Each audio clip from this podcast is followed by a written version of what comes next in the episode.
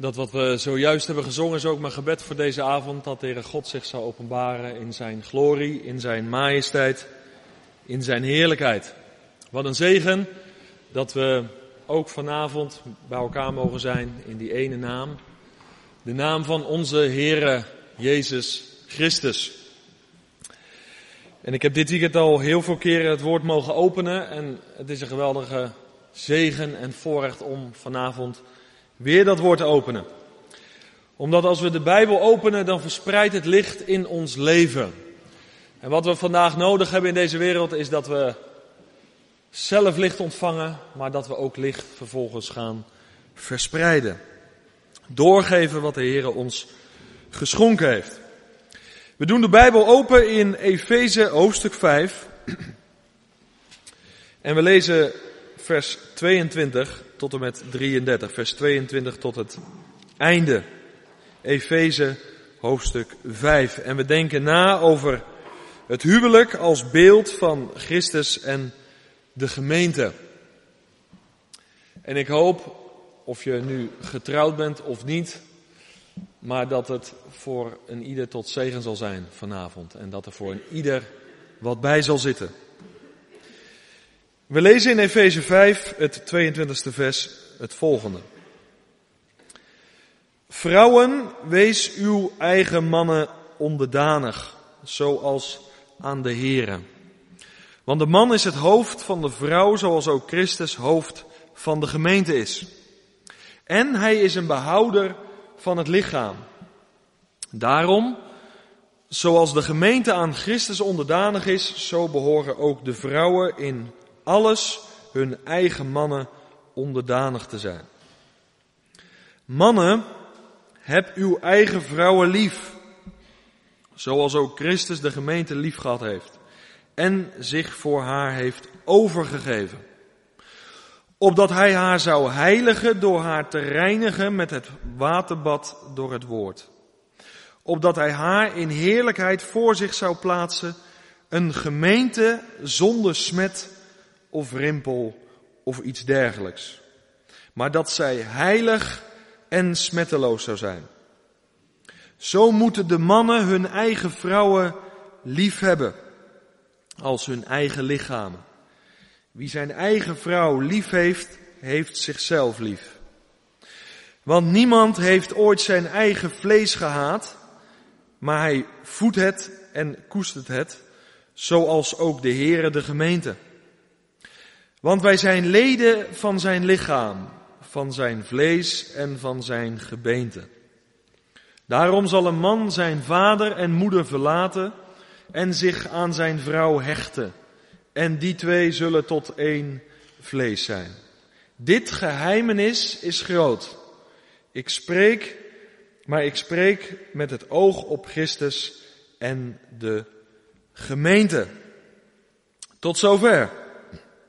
Het huwelijk als beeld van de, van Christus en de gemeente. Paulus die geeft daar in Efeze 5 onderwijs over. En als er iets vandaag van groot belang is, dan is het onderwijs over het Bijbelse huwelijk. Hoe God dat heeft voorgeschreven. Dat is van het grootste belang, omdat daar heel veel over te doen is vandaag. Het gaat vanavond niet, als je dat gedacht had, over de vraag wie nou de bruid is. Ik weet niet of hier mensen zijn die dat graag willen bestuderen. Is nou Israël de bruid?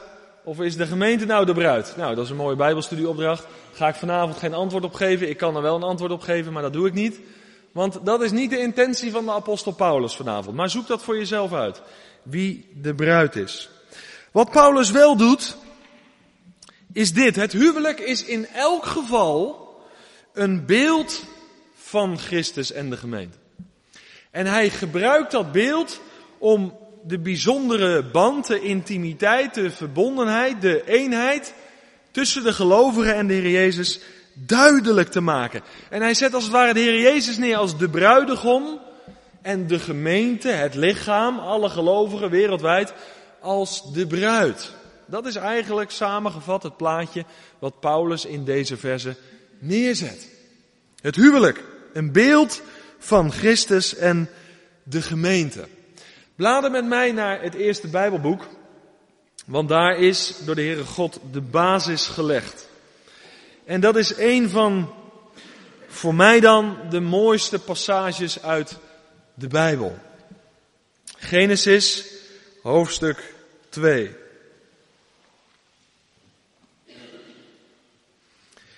En we hebben net die versen uit de Efezebrief gelezen, uit Efeze 5, en daar worden ook teksten uit dit gedeelte geciteerd. Maar hier wordt het voor het eerst gezegd. Genesis 2, vers 18. Dat is een prachtige tekst. Ook zei de Heere God, het is niet goed dat de mens alleen is. Ik zal een hulp voor hem maken als iemand tegenover hem. Mooi is dat, hè? Het is niet goed dat de mens alleen zij. Dat zag de Heere God. En ik zal hem een hulp geven, iemand tegenover hem. Dat is zo geweldig. En later zullen we zien iemand die bij hem past. En dat is de grote les, denk ik, vandaag. Als ik naar, ik heb dat elders wel meer genoemd, maar als ik naar allerlei dating sites kijk, dan zoek je iemand die bij jou past. Iemand met dezelfde opleiding, iemand met dezelfde interesse. De vraag is of je daar wijzer van wordt in je leven. Kijk, iemand die voor jouw gevoel niet bij je past, daar kan God je mee oefenen. En door zo iemand kan die jou leren. Als je nou een vrouw krijgt zoals ik, die totaal anders is als mij, daar leer je wat van. En zij leert als het goed is wat voor mij. Dus wat wij passend vinden, is in de beleving en in, het, in de visie van de Heere God nog niet altijd passend. Maar zeg, ik zal een hulpen geven tegenover hem of haar. Iemand die bij hem of haar past. Dat is een uitdaging. Om die aan te gaan. Maar de Heere God zei, het is niet goed dat de mensen alleen zijn. En dat is in het Nieuwe Testament helemaal in vervulling gegaan. Hier was het aan het begin, bij de schepping. Maar ik durf vanavond dit te zeggen. De Vader in de hemel, die zag op zijn Zoon, de Heer Jezus Christus. En hij vond het niet goed dat de mens, Jezus Christus, alleen zou zijn. Ik geef hem een hulp tegenover hem. Geloof je dat? Dat is de gemeente. Het is niet goed dat die alleen zijn. Ik geef een hulp tegenover hem. Mooi hè? Je moet ontdekken de Heer Jezus op elke bladzijde in de Bijbel. En hier zien we hem al naar voren komen. In Genesis 2. Dit is al iets van de schaduw van de Messias die komen zou. Het is niet goed dat hij alleen zijn. Van zulke teksten kan ik genieten. En het is waar geworden. Er is een gemeente geboren die aan hem gegeven is. Iemand die bij hem past. En hier in Genesis 2 zien we al iets van het bijzondere, de intimiteit, de verbondenheid tussen Adam en Eva.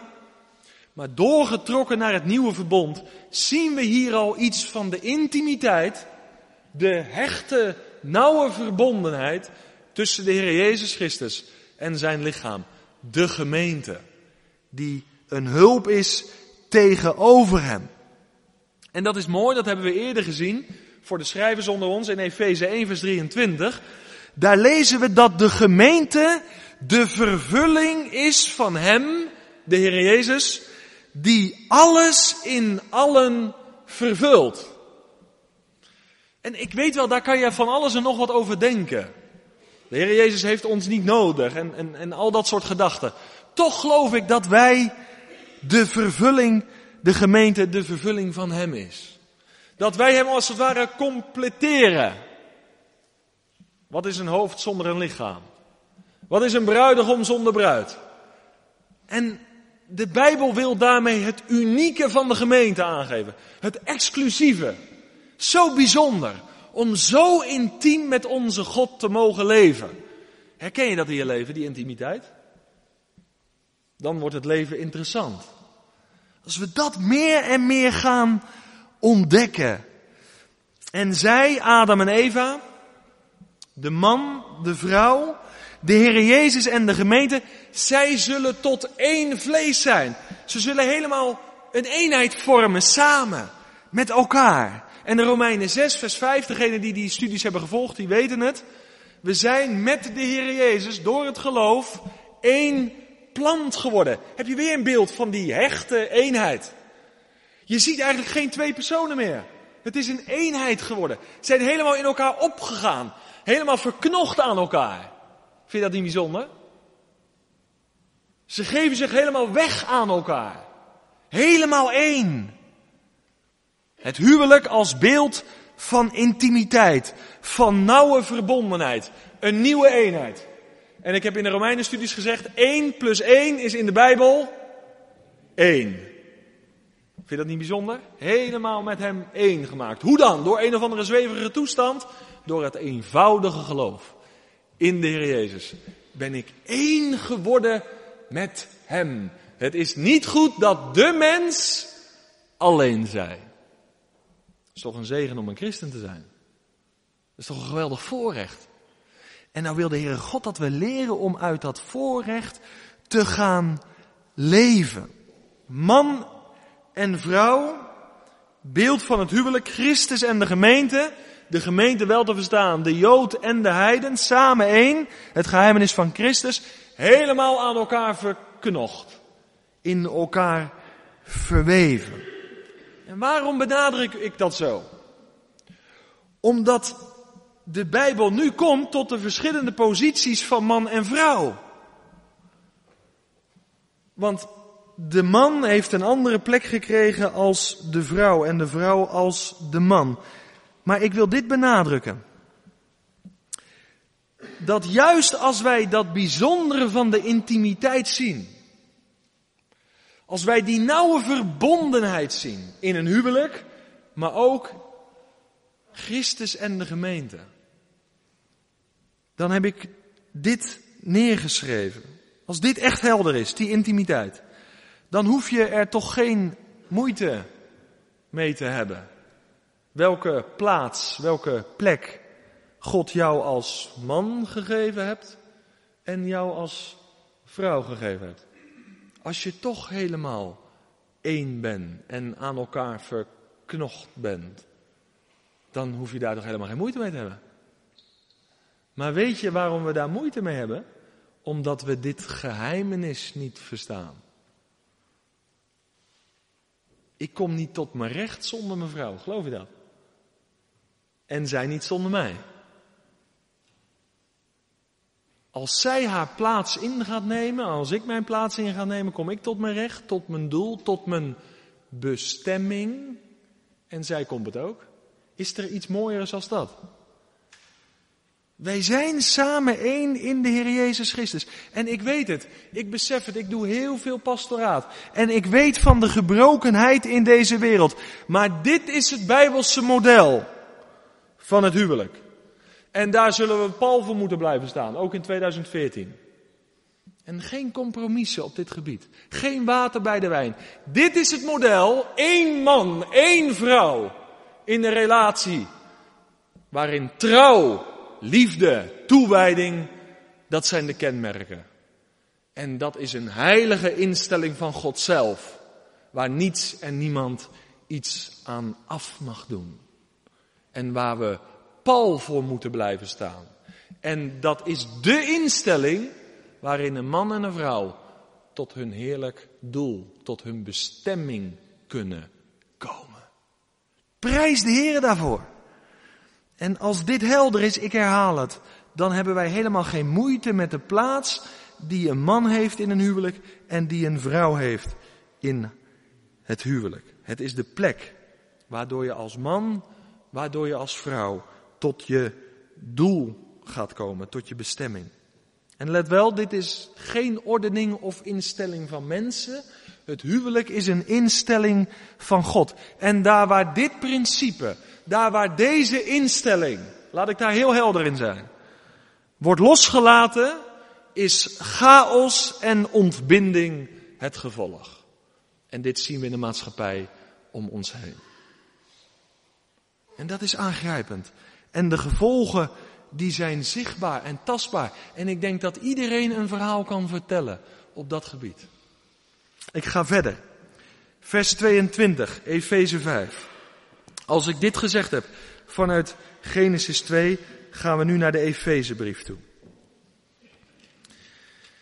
En nu moet je goed gaan luisteren als mannen en nu moet je goed gaan luisteren als vrouwen. Ik weet niet hoe het bij jullie is, maar als het goed is, maak je alleen die post open en je maakt die brief open die aan jou geadresseerd is. Toch?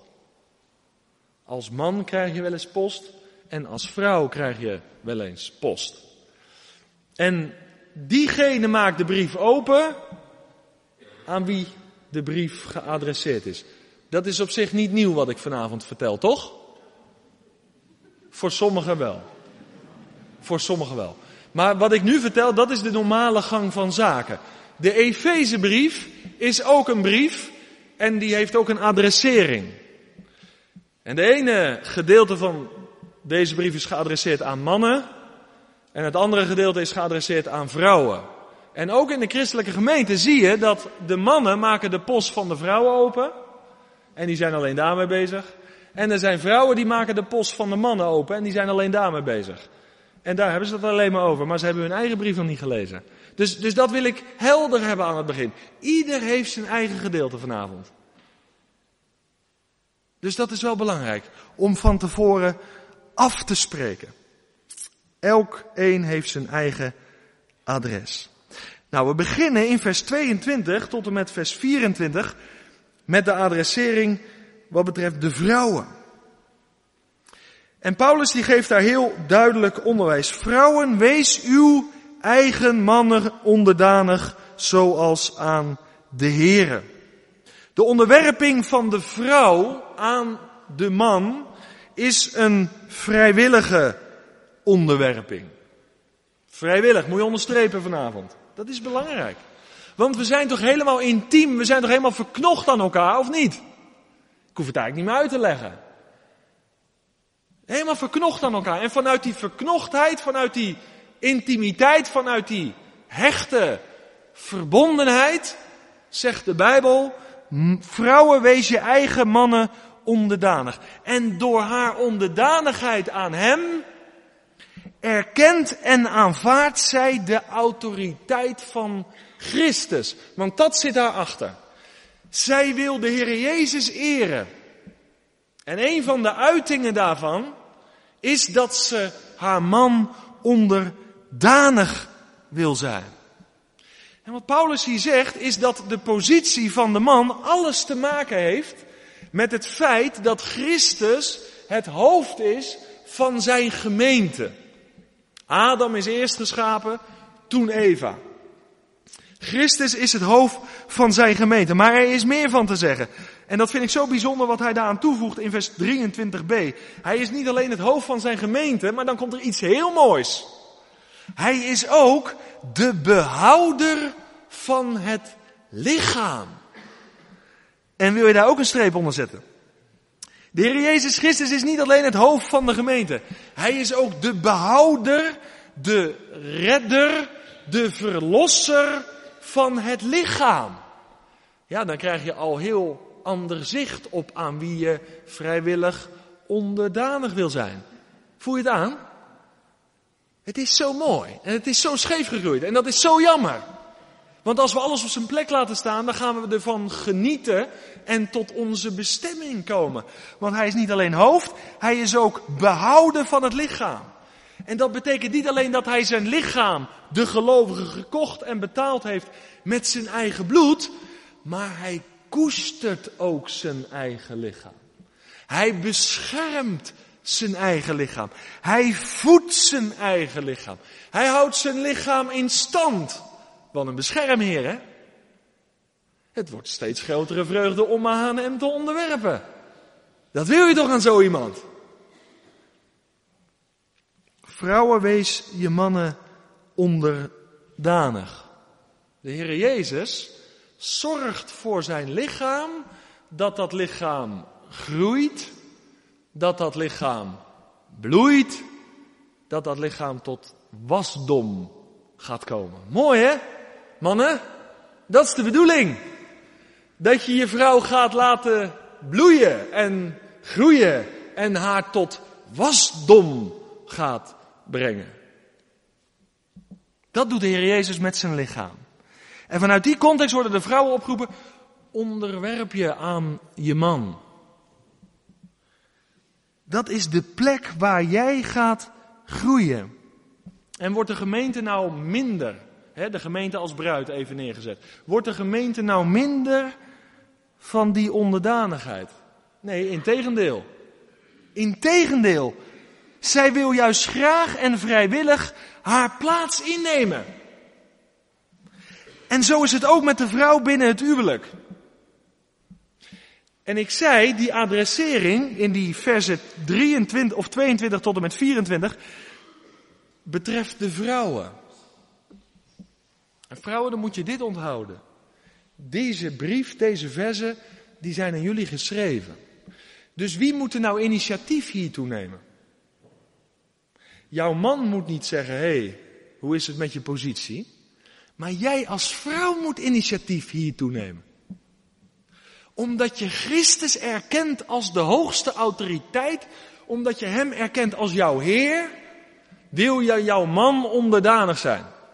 Dus jij moet dat initiatief niet bij je man neerleggen, of hij moet daar niet mee komen, maar na vanavond komen jullie ermee.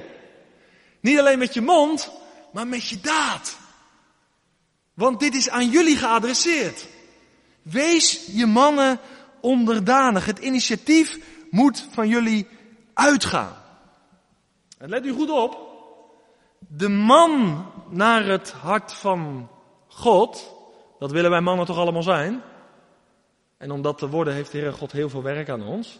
Maar de man naar het hart van God zal van deze situatie, zal van dit gegeven, zal in deze niet onredelijk, veel eisend, niet ijdel en niet zelfzuchtig zijn.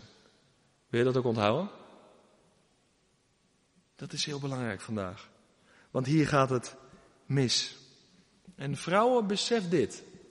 Voor diegenen die kinderen hebben, en met name als je een dochter hebt. De manier hoe jij met je man leeft, zal grotendeels gaan bepalen hoe jouw dochter TZT met haar man gaat leven. Jouw onderdanigheid nu aan jouw man zal grotendeels gaan bepalen hoe het huwelijk van jouw dochter er straks uit gaat zien. En of zij bereid is om zich te onderwerpen aan haar man.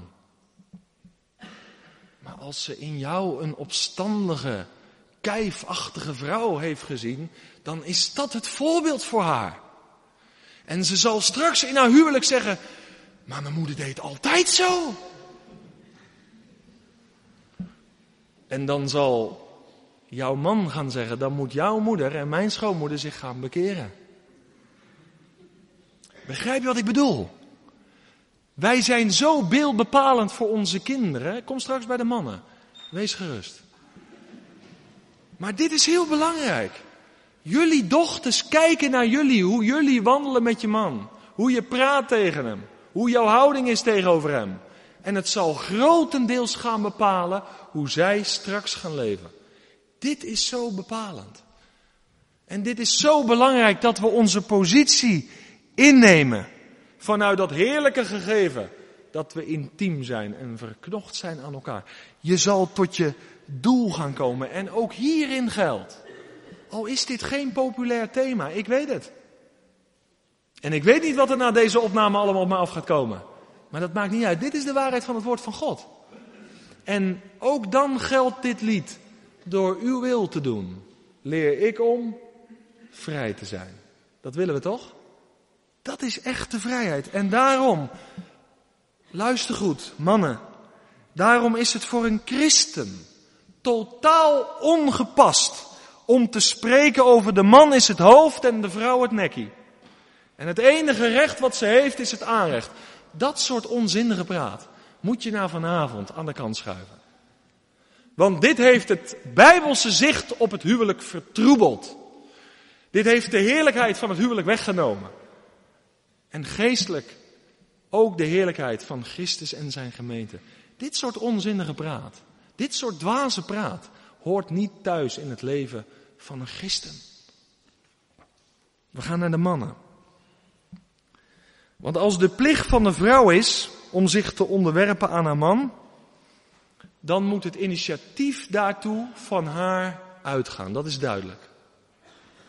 Maar de man heeft de plicht om zijn vrouw lief te hebben. En ik heb hier neergezet. Hij moet eraan werken om haar geluk en welzijn te brengen. En wat is nou wat ik heel vaak zie, ook in pastoraat en in alle contacten die ik heb? Wat zie ik heel vaak terug? Zij is druk met zijn taak. Je moet me lief hebben. En hij is druk met haar taak. Jij moet onderdanig zijn.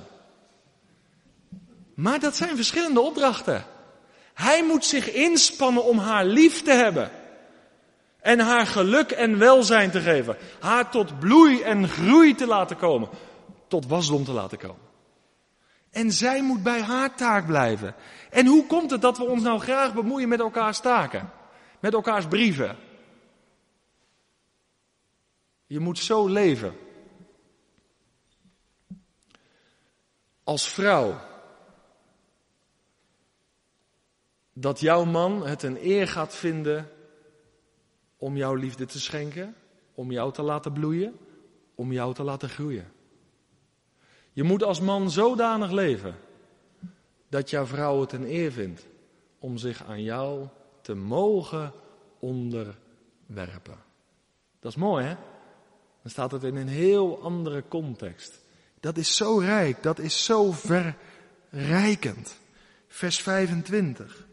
Daar staat, mannen hebt uw eigen vrouwen lief, zoals ook Christus de gemeente lief gehad heeft en zichzelf voor haar heeft overgegeven. Mannen, weet je dat de meeste teksten, ga ze maar tellen, die zijn aan jullie geschreven, ook aan mij. De vrouwen krijgen eigenlijk de minste opdrachten. Dat is ook vaatwerk, hè? Dat is breekbaar. De Bijbel is heel voorzichtig met de vrouwen. Die, die, de, Bijbel, de, de Bijbel beschermt de vrouwen. Maar wij mannen hebben de meeste teksten vanavond. Dus ik besteed de meeste tijd vanavond aan jullie en aan mezelf. Maar dat vind je vast niet erg. Maar vrouwen, nu moet je niet gaan luisteren. Ik hoop dat hij het hoort. Dat is niet de gezindheid van de Heer Jezus. Maar we gaan rustig verder. Vers 25. Die is geadresseerd aan de mannen. Christus heeft ons mannen laten zien hoe wij onze vrouwen moeten liefhebben. En dat is een liefde die is van goddelijke oorsprong. De Bijbel noemt dat agape-liefde. Daar zou ik heel veel over kunnen zeggen vanavond. Maar binnen de context, binnen het kader van het huwelijk is dit belangrijk. Het is een zelfverlogenende, opofferende liefde. Dat is de standaard die Christus heeft laten zien. Die gaf een liefde. Die openbaarde een liefde zonder aanzien des persoons. Hij gaf zichzelf weg, vrijwillig. En het mocht hem alles kosten. Dat is de standaard waarmee de Bijbel ons vanavond tegemoet komt. De liefde, de standaard die de Bijbel ons vanavond onderwijst. En het heeft mij diep geraakt. Want ik ben ook een man en ik ben ook een vader. Christus had er alles voor over en was bereid om voor zijn gemeente, voor zijn bruid, te sterven. En om haar te verwerven tot in eeuwigheid. Ik vind dat een mooi lied, het is een oud lied. Dat zegt het volgende. Om haar als bruid te werven kwam hij ten hemel af. Hij was het die door zijn sterven aan haar het leven gaf. Zelfverlogenende liefde. Jezelf helemaal opofferen voor haar. Niks achterwege laten. Dat is wat. Ik ben een meester in iets van mijzelf te geven. Dat kan ik heel goed. En dat maakt nog heel veel indruk ook. Maar mezelf helemaal weggeven.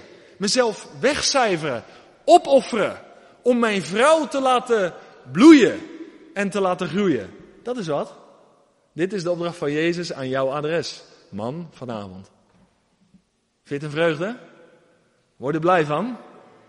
Vind een eer? Dat je als priester zo je werk mag doen.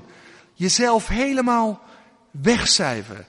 En het is voor een vrouw een eer en een vreugde om zich aan zo'n man te onderwerpen.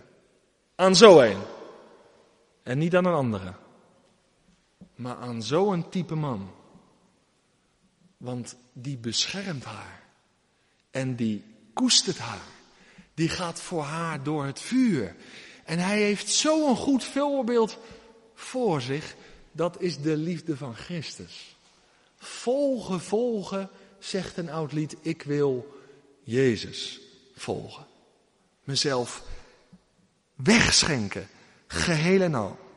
En dit punt, mannenbroeders, dit punt is exact het pijnpunt. Waar autoritaire, onredelijke en op zichzelf gerichte mannen vandaag grote moeite mee hebben. Het eerste kunnen ze wel mee instemmen. Maar dit, dit, dit laatste.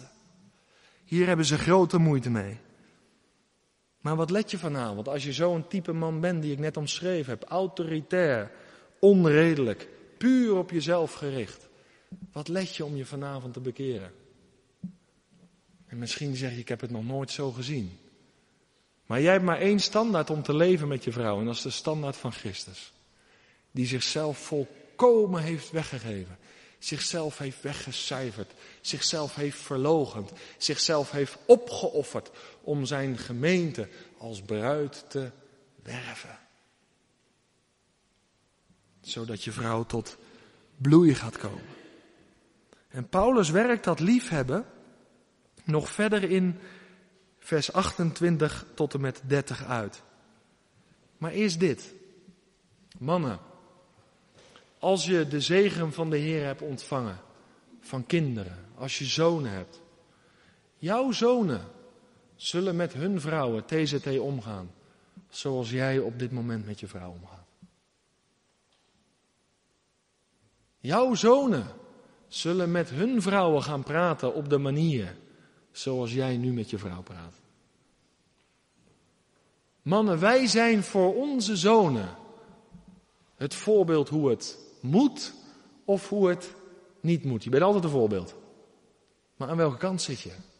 Laten we dat goed beseffen. En ik zeg het vanavond tegen mezelf. Kinderen zien alles.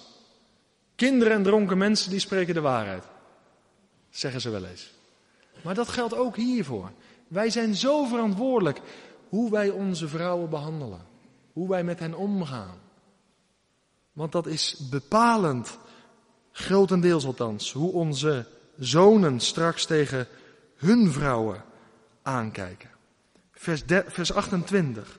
Zo moeten de mannen hun eigen vrouwen liefhebben als, in, als hun eigen lichaam. Want wie zijn eigen vrouw lief heeft, heeft zichzelf lief. Dit is uiteindelijk een uitwerking van het tweede of van het grote gebod. Gij zult uw naaste lief hebben als jezelf. In een gezonde situatie, in een gezonde situatie zeg ik met nadruk, heeft een mens, een man zichzelf lief. En dat komt tot uiting in het feit dat hij zichzelf voedt. Hij verzorgt zichzelf. Hij kleedt zichzelf. Hij beschermt zichzelf. Ik kan een heel lijstje maken, maar dat zijn allemaal uitingen, dat zijn allemaal activiteiten waarmee hij aangeeft dat hij zichzelf lief heeft. Uitgaande van een gezonde situatie, want ik ken ook pastorale gevallen mensen die zichzelf niet meer lief kunnen hebben. Maar uitgaande van de gezonde situatie. Houdt een mens van zichzelf. Maar als het nou waar is, wat ik heb gedeeld, dat een man en een vrouw één is. Als die van zichzelf houdt, dan houdt hij ook van zijn vrouw. En als hij van zijn vrouw houdt, dan houdt hij ook van zichzelf. Daar hoef je niet voor gestudeerd te hebben. Het is één geworden. Je kan niet van jezelf houden en niet van je vrouw. Dan is er iets grondigs mis, iets fundamenteels fout. En daarom zegt Paulus dat hier in het 28ste vers. Wie zijn eigen vrouw lief heeft, heeft zichzelf lief. vers 29, want niemand heeft ooit zijn eigen vlees gehaat, maar hij voedt het, hij koestert het, zoals ook de Heere de gemeente. In een gezonde situatie heeft iemand zichzelf lief. En nu heb ik twee belangrijke versen vergeten. Nee, niet vergeten, die heb ik even overgeslagen. En dat is zo kostbaar, daar ga ik nu naartoe. Als je op hebt gelet, zijn dat de versen 26 en 27. Waarom?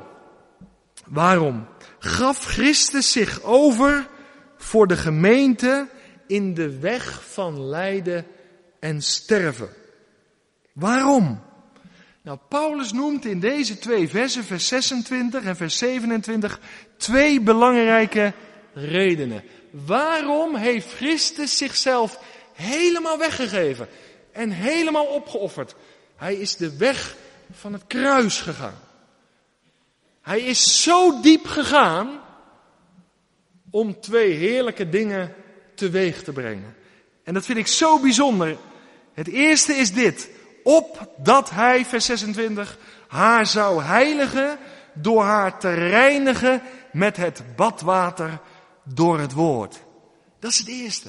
Hij is zo diep gegaan om zijn gemeente apart te zetten. Om haar te heiligen, want dat is de betekenis van apart zetten. Om die gemeente helemaal voor zichzelf te hebben. Mooi is dat, hè? Zo lief had hij ons. Hij gunt ons aan niemand anders. En hij zegt, ik zal de prijs betalen. Ik zal mijn bloed gaan storten. Ik koop ze niet alleen, ik betaal ook de som. Zoveel hou ik van ze. En daarvoor moest hij de diepste weg gaan. Een diepere weg was er niet. Hij wilde ze ten eigendom hebben. Om hen te heiligen, apart te zetten. Broeders en zusters, de God die wij dienen is een jaloerse God. En daarom accepteert hij geen geestelijke hoererij. In het verleden niet, vandaag niet en in de toekomst niet. Hij is een jaloers God. Maar mag het? Want hij heeft de hemel leeggeschonken, God de Vader. Hij had niet meer te bieden. En wat hij had, dat heeft hij overgegeven tot in de dood van het kruis. Om jou en mij te heiligen, apart te zetten. Om ons helemaal voor zichzelf te hebben. Om helemaal op ons gefocust te kunnen zijn. Nou, dit had ook een goed moment geweest om amen te zeggen. Dat is zo diep. Dat is zo rijk. Dat is zo overweldigend. En wat doet hij? Hij heeft ons in Christus gereinigd, geheiligd. Maar door het evangelie en het werk van de Heilige Geest is hij ook ons inwendig aan het reinigen en aan het heiligen. Dus we zijn niet alleen in positie rein en heilig en rechtvaardig. Maar God is door de werking van woord en geest ons ook van binnenuit aan het reinigen.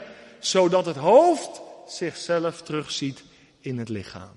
Zodat de bruid en bruidegom steeds meer op elkaar gaan lijken. 1 plus 1 is 2. Hij heeft ons apart gezet.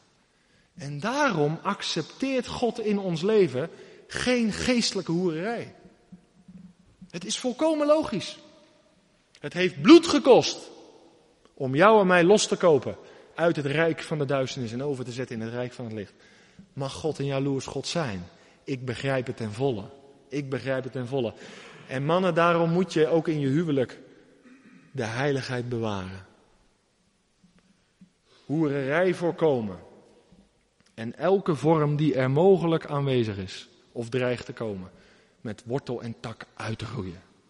Want de vrouw die God aan je gegeven is, heeft hij voor jou apart gezet. Om haar te koesteren, te beschermen, te voeden. Daar mag niks tussen komen. Niets en niemand. Ik had pas een pastoraal gesprek met een jongen. Die had verkering gehad, was inmiddels getrouwd. En een jonge vrouw die inmiddels ook verkering had, die benaderde hem terwijl hij getrouwd was. Ze hadden in het verleden contact met elkaar gehad. En die ging in een huwelijk nog stoken. Zo betitelde zij dat natuurlijk niet. En toen kwam hij bij mij voor een pastoraal gesprek en hij deelde dit. Hij zegt, wat moet ik doen? Ik zeg, wat moet ik doen? Ja, maar misschien bedoelt ze het zo. Ik zeg, het interesseert me niet hoe ze het bedoelt. Jij moet zeggen wat jouw situatie nog is en je moet afscheid van haar gaan nemen. En ze mag komen praten in het bijzijn van je vrouw. Korte met te maken. En ik ontmoette hem van het weekend. En hij zei, wat een bevrijding zeg, maar ik had even een zetje nodig. Want ergens vond ik het zielig voor haar. En wilde ik niet zo hard zijn. Ik zei, nee, dat is duidelijkheid. Dat is geen hardheid, dat is duidelijkheid. En daar hebben we behoefte aan. Zij ook. Ik zeg, en weet je, zij gaat over jouw antwoord nadenken. Wat is een getuigenis voor haar. Dat ze denkt, zo, die gaat wel echt voor zijn vrouw.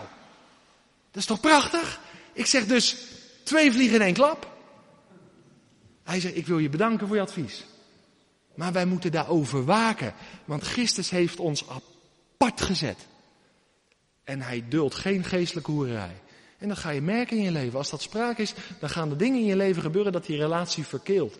En dan moet je actie gaan ondernemen. En het tweede wat hij noemt, dus we zijn in Christus geheiligd, gereinigd, maar hij vormt zijn gemeente naar zijn beeld en zijn gelijkenis. Apart gezet om steeds meer op de bruidegom te gaan lijken. En het tweede, dat is vers 27. En dat is zo bijzonder. Dat is het tweede doel. Waardoor God zijn zoon zo een diepe weg heeft laten gaan. Zodat hij haar in heerlijkheid voor zich kan stellen. Is dat niet mooi? Hij heeft haar apart gezet. Zo kostbaar. Maar hij wil haar ook in heerlijkheid voor zich stellen. Ik heb dit weekend gesproken over de gemeente als de woonplaats van God. Als de plaats waar God zijn heerlijkheid doorheen wil openbaren. De gemeente is de openbaring van wie God is. Hij wil zijn heerlijkheid door de gemeente openbaren. Dat doet hij nu al. Maar Paulus zegt, hij spreekt ook over de toekomst, opdat hij haar in heerlijkheid voor zich zou plaatsen. Een gemeente zonder smet of rimpel of iets dergelijks, maar dat zij heilig en smetteloos zou zijn. Nu nog ten dele, maar blader even naar Openbaring, hoofdstuk 19.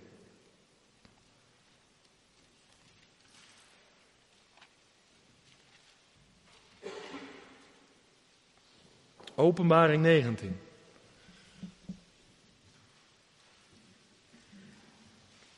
Hij wil haar in heerlijkheid voor zich stellen. Nu openbaart God al zijn heerlijkheid door de gemeente, maar het is nog ten dele, alhoewel het al heerlijk is. Maar het wordt nog rijker. Openbaring 19, vers 7. Daar gaat het over de bruiloft van het lam. En daar staat in vers 7, laten wij blij zijn en ons verheugen en hem de heerlijkheid geven. Is dat mooi of niet? Daar kan ik van genieten. Want de bruiloft van het lam is gekomen en zijn vrouw heeft zich gereed gemaakt. En het is haar gegeven zich met smetteloos en blinkend fijn linnen te kleden. Want dit fijne linnen zijn de gerechtigheden van de heiligen. En hij zei tegen mij, schrijf zalig zijn zij, die geroepen zijn tot het avondmaal van de bruiloft van het lam. En hij zei tegen mij, dit zijn de waarachtige woorden van God. En ik viel voor zijn voeten neer om hem te aanbidden. Maar hij zei tegen mij, pas op dat u dat niet doet. Ik ben een mededienstknecht van u en van uw broeders die het getuigenis van Jezus hebben. Aanbid God. Het getuigenis van Jezus is namelijk de geest van de profetie. We moeten hem aanbidden. Straks volmaakt. Hier al heerlijkheid, maar straks volmaakt in heerlijkheid. We zullen hem aanbidden. Die ons gekocht heeft met zijn kostbare, dierbare bloed. Daarom dan ten volle. En dit zijn de twee redenen waarom Christus zich overgaf voor de gemeente in de weg van lijden en sterven. Hij wordt verheerlijkt door de gemeente heen. Ik ga beginnen met afronden. Paulus komt tot een samenvatting. Hij heeft onderwijs gegeven over het huwelijk. Een instelling van God. Waardoor het hier op aarde al genieten wordt op het moment dat wij naar het Bijbelse model leven. En waarin er al heel veel geestelijke lessen te trekken zijn in de plaats die God ons als man en als vrouw gegeven heeft. En we de heerlijkheid van de gemeente al zien en de eenheid met de Heer Jezus. Paulus vat het samen in vers 31 tot en met vers 33. En hij benadrukt nog een keer die diepe eenheid binnen het huwelijk tussen man en tussen vrouw. En hij zegt, daarom zal een man zijn vader en moeder verlaten en zich aan zijn vrouw hechten. En die twee zullen tot één vlees zijn. Zoals een man zijn vader en moeder verlaat en zoals een vrouw zijn vader en moeder verlaat. Die twee worden tot een nieuwe eenheid. En hier wordt niet alleen bedoeld een seksuele eenheid. Die moet er ook zijn. En het wordt ook tijd dat wij in de christenheid daar de taboes van af gaan halen en daar open en eerlijk over gaan spreken. Want dat is een gave van de Heere God.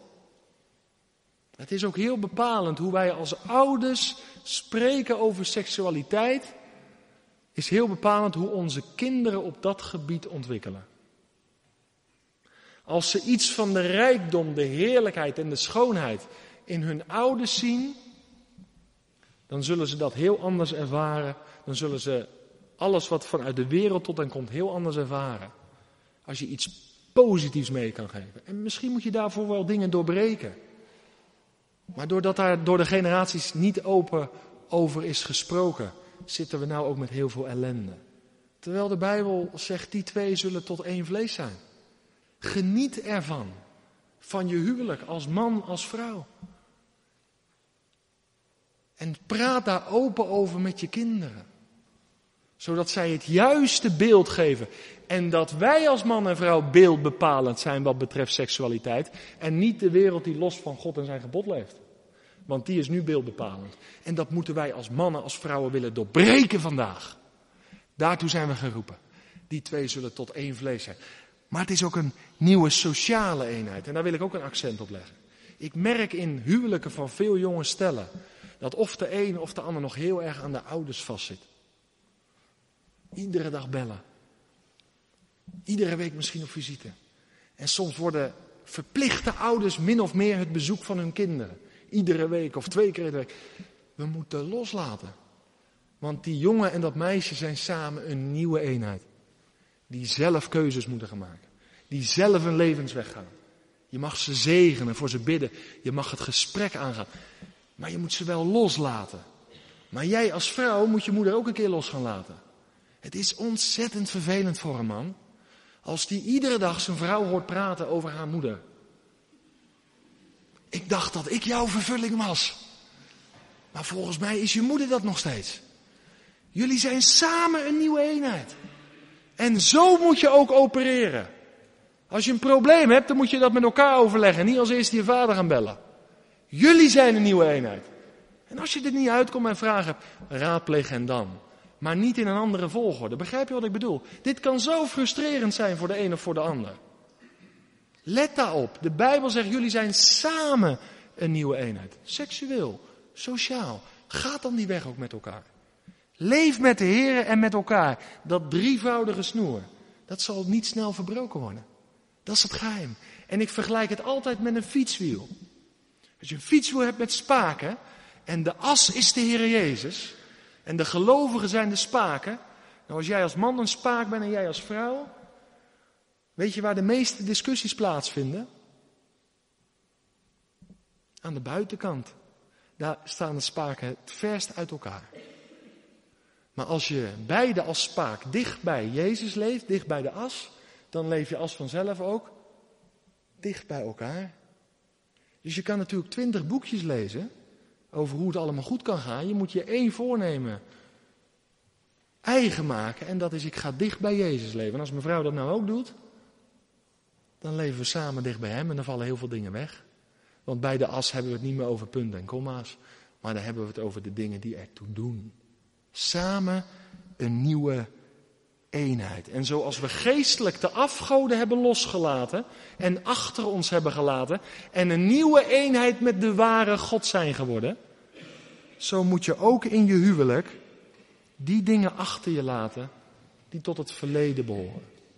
Dat wil zeggen, niet zeggen dat je geen relaties moet onderhouden, maar houd er rekening mee. Er gaat zoveel daardoor kapot. Jullie zijn een nieuwe eenheid. En Paulus deelt aan het einde van dit gedeelte Dat vind ik zo mooi. Hij zegt, dit geheimenis is groot. Nou, ik geef hem gelijk. Ik heb er maar kort iets van kunnen zeggen. Paulus is de man van de geheimenissen. We hebben hem eerder gehoord over het geheimenis van Christus. Jood en, Heid, Jood en Heiden samen één nieuwe mens, één nieuw lichaam.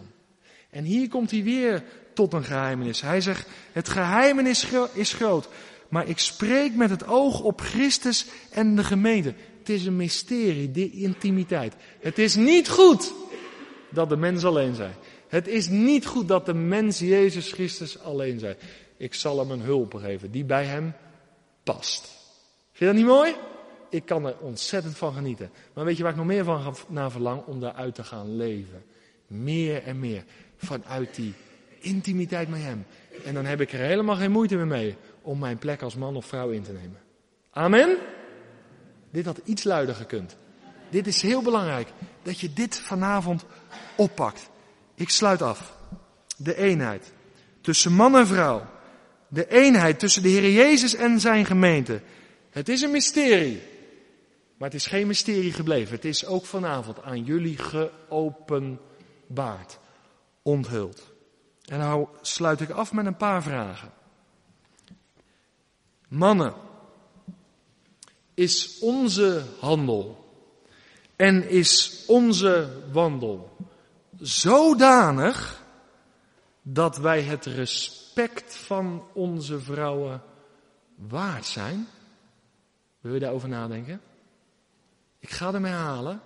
Mannen is onze handel en wandel zo dat wij het respect van onze vrouwen ook waard zijn. Vrouwen, is Christus de Heer van je leven? Niet op een paar terreinen, maar op alle terreinen. Is Hij Curios? Is Hij koning? Als dat zo is, dan zal je ontzag en respect hebben voor je man die je door de Heer gegeven is. En nou geestelijk overgezet, Christus. Hij heeft zichzelf helemaal weggegeven. Hij heeft de hoogste prijs betaald om ons vrij te kopen. Hij de bruidegom.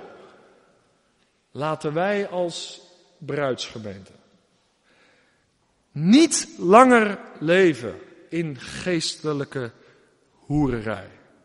Maar laten wij ons vanavond vrijwillig, met passie en enthousiasme, aan Hem toewijden, die zichzelf voor ons gegeven heeft.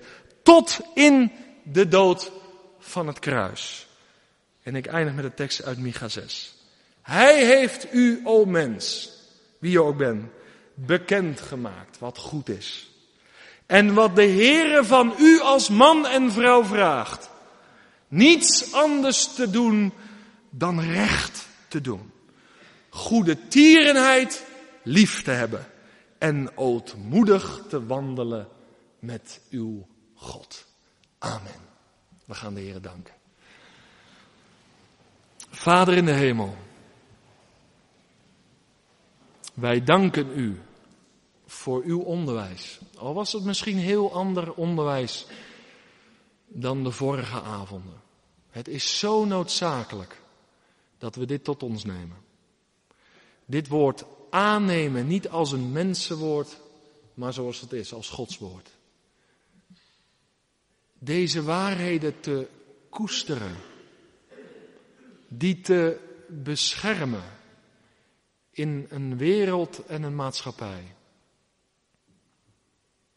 waar hier aan getornd wordt, waar hiermee gespot wordt. Maar helaas ook in heel veel kerken, waar dit niet meer de standaard voor het huwelijk is. Maar we willen trouw zijn aan uw woord. Deze waarheden tot ons nemen, als zijnde uw waarheid. Daarvan genieten, onze plek innemen en vanuit die intimiteit met u gaan leven. En dan zullen we echt tot onze bestemming gaan komen. En dan zullen we als bruidsgemeente steeds meer op u gaan lijken. En dan mogen we uitzien naar de bruiloft van het Lam. Heere God, ik wil mezelf vanavond aan u toewijden. Als man van mijn vrouw, als vader van mijn kinderen, maar ook als zoon van u. Heere God, neem mij, breek mij en vorm mij tot de man naar uw hart. En ik wil je nu een minuut de tijd geven om zelf iets tegen de Heer te zeggen in de stilte van je hart. Om je verlangen ook naar aanleiding van deze avond uit te spreken. Of een nood bij hem te brengen.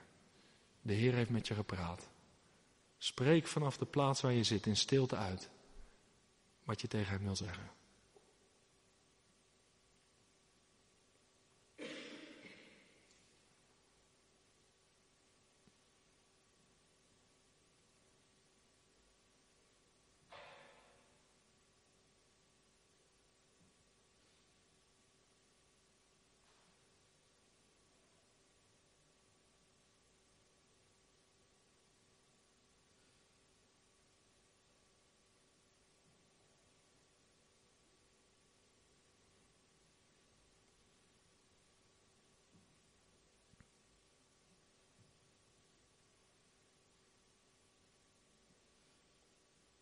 Vader, u weet wat we zojuist tegen u gezegd hebben. U kent onze harten. U weet ons zitten en ons staan. En ik wil vanavond heel bijzonder bidden voor de huwelijken en voor de gezinnen als we die hebben. Dat u deze zal beschermen. We weten dat de kerk van de tegenstander bidt om verbreking van de christelijke huwelijken.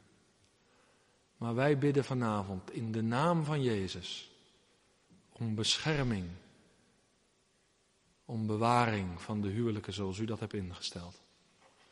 Om bescherming van onze kinderen, onze gezinnen. Dat het plaatsen zijn waar u gediend en gevreesd wordt. En dat onze huwelijk en onze gezinnen getuigenissen mogen zijn in een wereld waar de chaos compleet in is. Ik wil u vanavond ook bidden voor hen die misschien wel zojuist een noodkreet naar u hebben opgezonden. Omdat ze tot op dit moment alleen hun weg gaan. Ik wil u bidden voor die mannen, voor die vrouwen, die daarmee worstelen. En die uw weg op dit moment in hun leven niet begrijpen. En het daar moeilijk mee hebben. En misschien vanavond helemaal niet ontspannen hebben kunnen luisteren. Heren, ik bid u bijzonder voor hen dat u hen zal bemoedigen. Hen zal bekrachtigen naar geest, ziel en lichaam. In hun leven zal doen boven wat zij kunnen bidden of denken. En dat u voor hen hun volle verzadiging zou zijn. Vader, dat is mijn gebed voor hen die nood hebben, juist op het gebied van het huwelijk.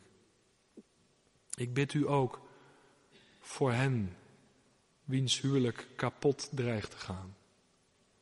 En die gebuk gaan onder de nood, onder de gebrokenheid. En die geen weg weten. O God, we brengen die huwelijken bij u. En we bidden u, doe een werk boven wat wij kunnen bidden of denken.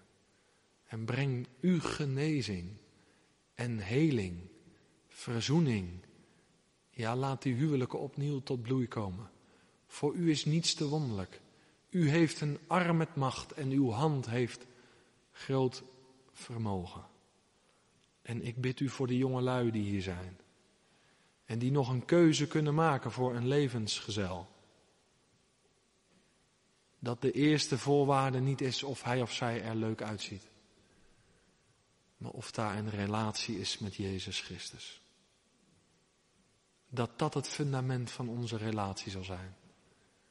Om dan verder te leven samen als een drievoudig snoer. Vader zegen de jongelui in een tijd waarin alles wat normaal is, abnormaal is geworden. En dat wat abnormaal is, is normaal geworden. Wilt u de jongeren bekrachtigen, de moed geven van een Jozua en van een Caleb. Heren, laat er onder ons jonge mannen opstaan vol van de Heilige Geest. Die de weg van uw woord willen gaan. Die stappen durven zetten, die keuzes durven maken. Niet omdat zij van die krachtpatsers zijn, maar omdat ze leven uit de krachtbron, de Heer Jezus Christus, vervuld van uw Heilige Geest. En dat er ook vanuit de jonge generatie huwelijken ontstaan, gezinnen ontstaan, waar u zichzelf in herkent. O God, we hebben u veel te vragen. Maar als het om deze dingen gaat, staan we met de rug soms tegen de muur. We bidden u om uw ontferming en erbarmen. O God, bezoek ons land met de kracht van uw geest. Het enige antwoord op alle afval en verval is een opwekking door u gewerkt. En we bidden u, o God, scheur de hemel en daal opnieuw neer met de kracht van uw geest. Raak ons land aan, bezoek ons land zoals u het alleen kan doen. En dat wij vlak voor uw komst, als koning der koningen en als heren der heren, nog getuigen mogen zijn van een geestelijk ontwaken van ons vaderland. Tot eer van uw naam. Amen.